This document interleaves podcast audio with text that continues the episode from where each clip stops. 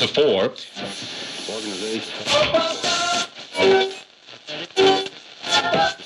Wrapping up the big That's enough. Додека во САД расизмот и дискриминацијата кон американците со потемен тен стана една од најактуелните теми во светот изминативе неколку месеци, кај нас се уште недоволно се зборува за тукашниот расизам и дискриминација на етничка основа. Но, ако не се зборува, тоа не значи и дека не се случува. Токму напротив, колку повеќе молчиме, толку повеќе наши сограѓани се секојдневно жртви на дискриминација на етничка основа.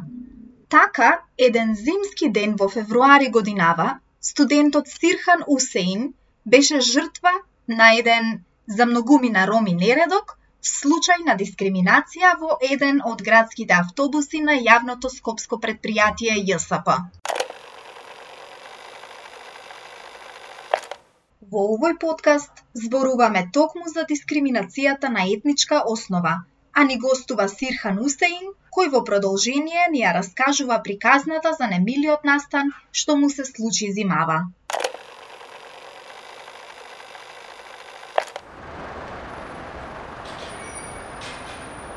Беше викенд и немаше редовен превоз, па затоа се одлучив да одам на подолната станица и да чекам приградски автобус, се со цел да не каснам на работилница организирана од граѓанската иницијатива Авај, каде што сум и ангажиран. По пристигнувањето на станицата најдов на автобус со број 53, каде се качив и уредно, како и секогаш, со мојот студентски годишен билет, се евидентирав во валидаторот По неколку станици, возачот не извести дека во автокоманда автобусот ќе се сервисира, односно ќе иде до гаража и ќе треба да се симнеме и да се качиме во друг автобус.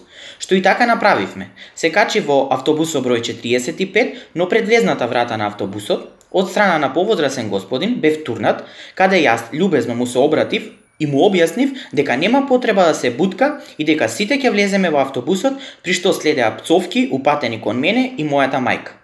По влегувањето во преполн автобус, јас упатувам и наоѓам место во средина на автобусот, а повозрасниот господин наоѓа слободно место до двајцата контролори на ЈСП, каде следи испрашување на повозрасниот господин од страна на кондукторите и тоа на албански јазик.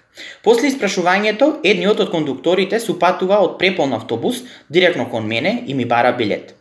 Јас таму се запрашав. Зошто само мене од преполн автобус? Каде следи одговор дека така он сака, при што јас му одговарам дека тоа е дискриминација. И дека ќе се јавам во полиција и ќе пријавам за случај и истиот тој момент се јавувам на 192 и почнав да разговарам со службено лице на кој му требаше 15 минути да разбере дека кондукторот ја злоупотребува својата службена должност и прави дискриминација.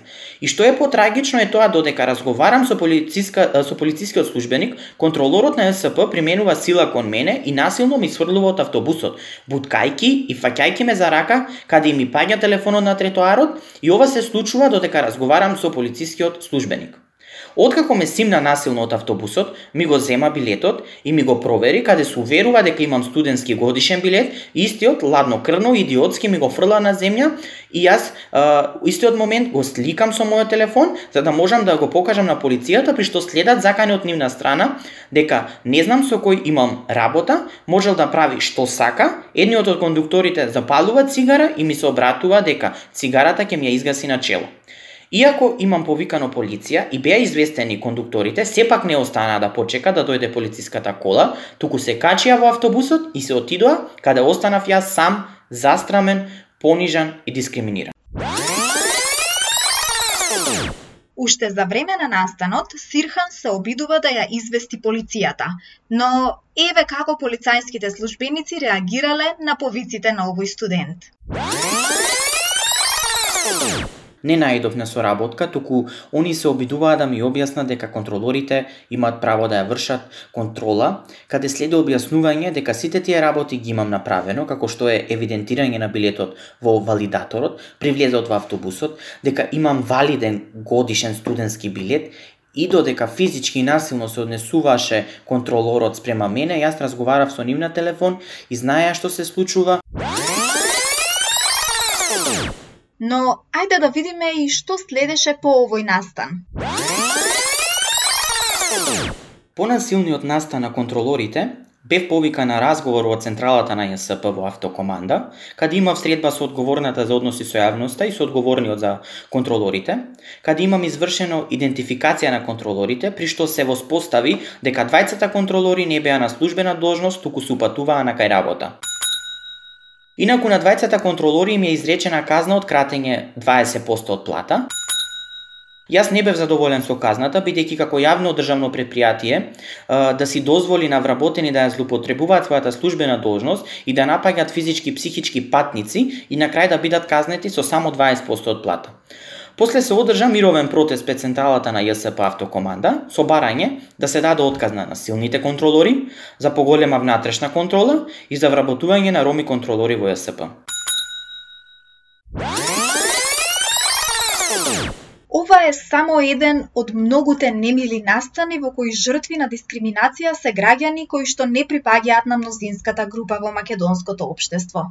Сирхан Усеин е еден од оние кои што гласно говорат за овој обштествен проблем, кој воопшто не е нов, но и покрај тоа напорите за неговото решавање се се уште премали и недоволно ефективни за да направат видна промена. Ромската популација во Република Македонија се уште е најранливото малцинство во земјата. Заедница што се соочува со институционална дискриминација и социјални предрасуди. Многу роми живеат во субстандардни услови. Често се борат со пренатрупеност и без пристап до санитарни услови. Безбедна вода за пиење, електрична енергија, улично осветлување. Дискриминацијата останува секојдневна реалност за ромите, Од многу рана возраст, тие се соочуваат со предрасуди и отфрдување од главните текови во општеството.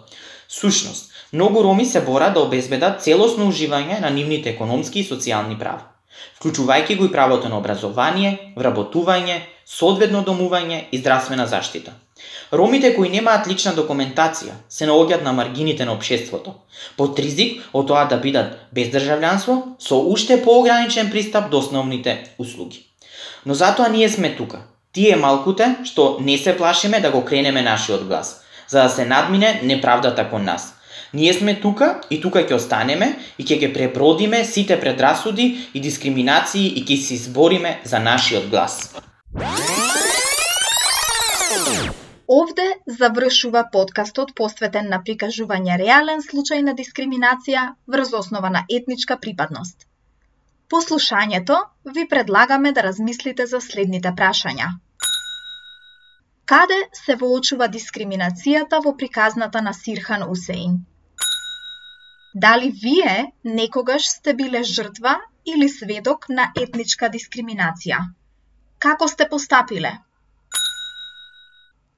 Кои други етнички малцинства се дискриминирани во Македонија?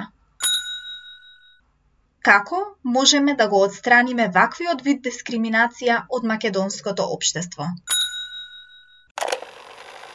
За остварувањето на овој подкаст му благодариме на Сирхан Усеин.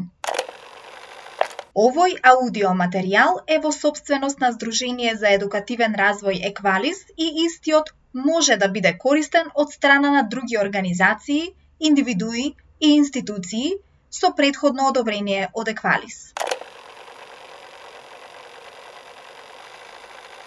Before, organization.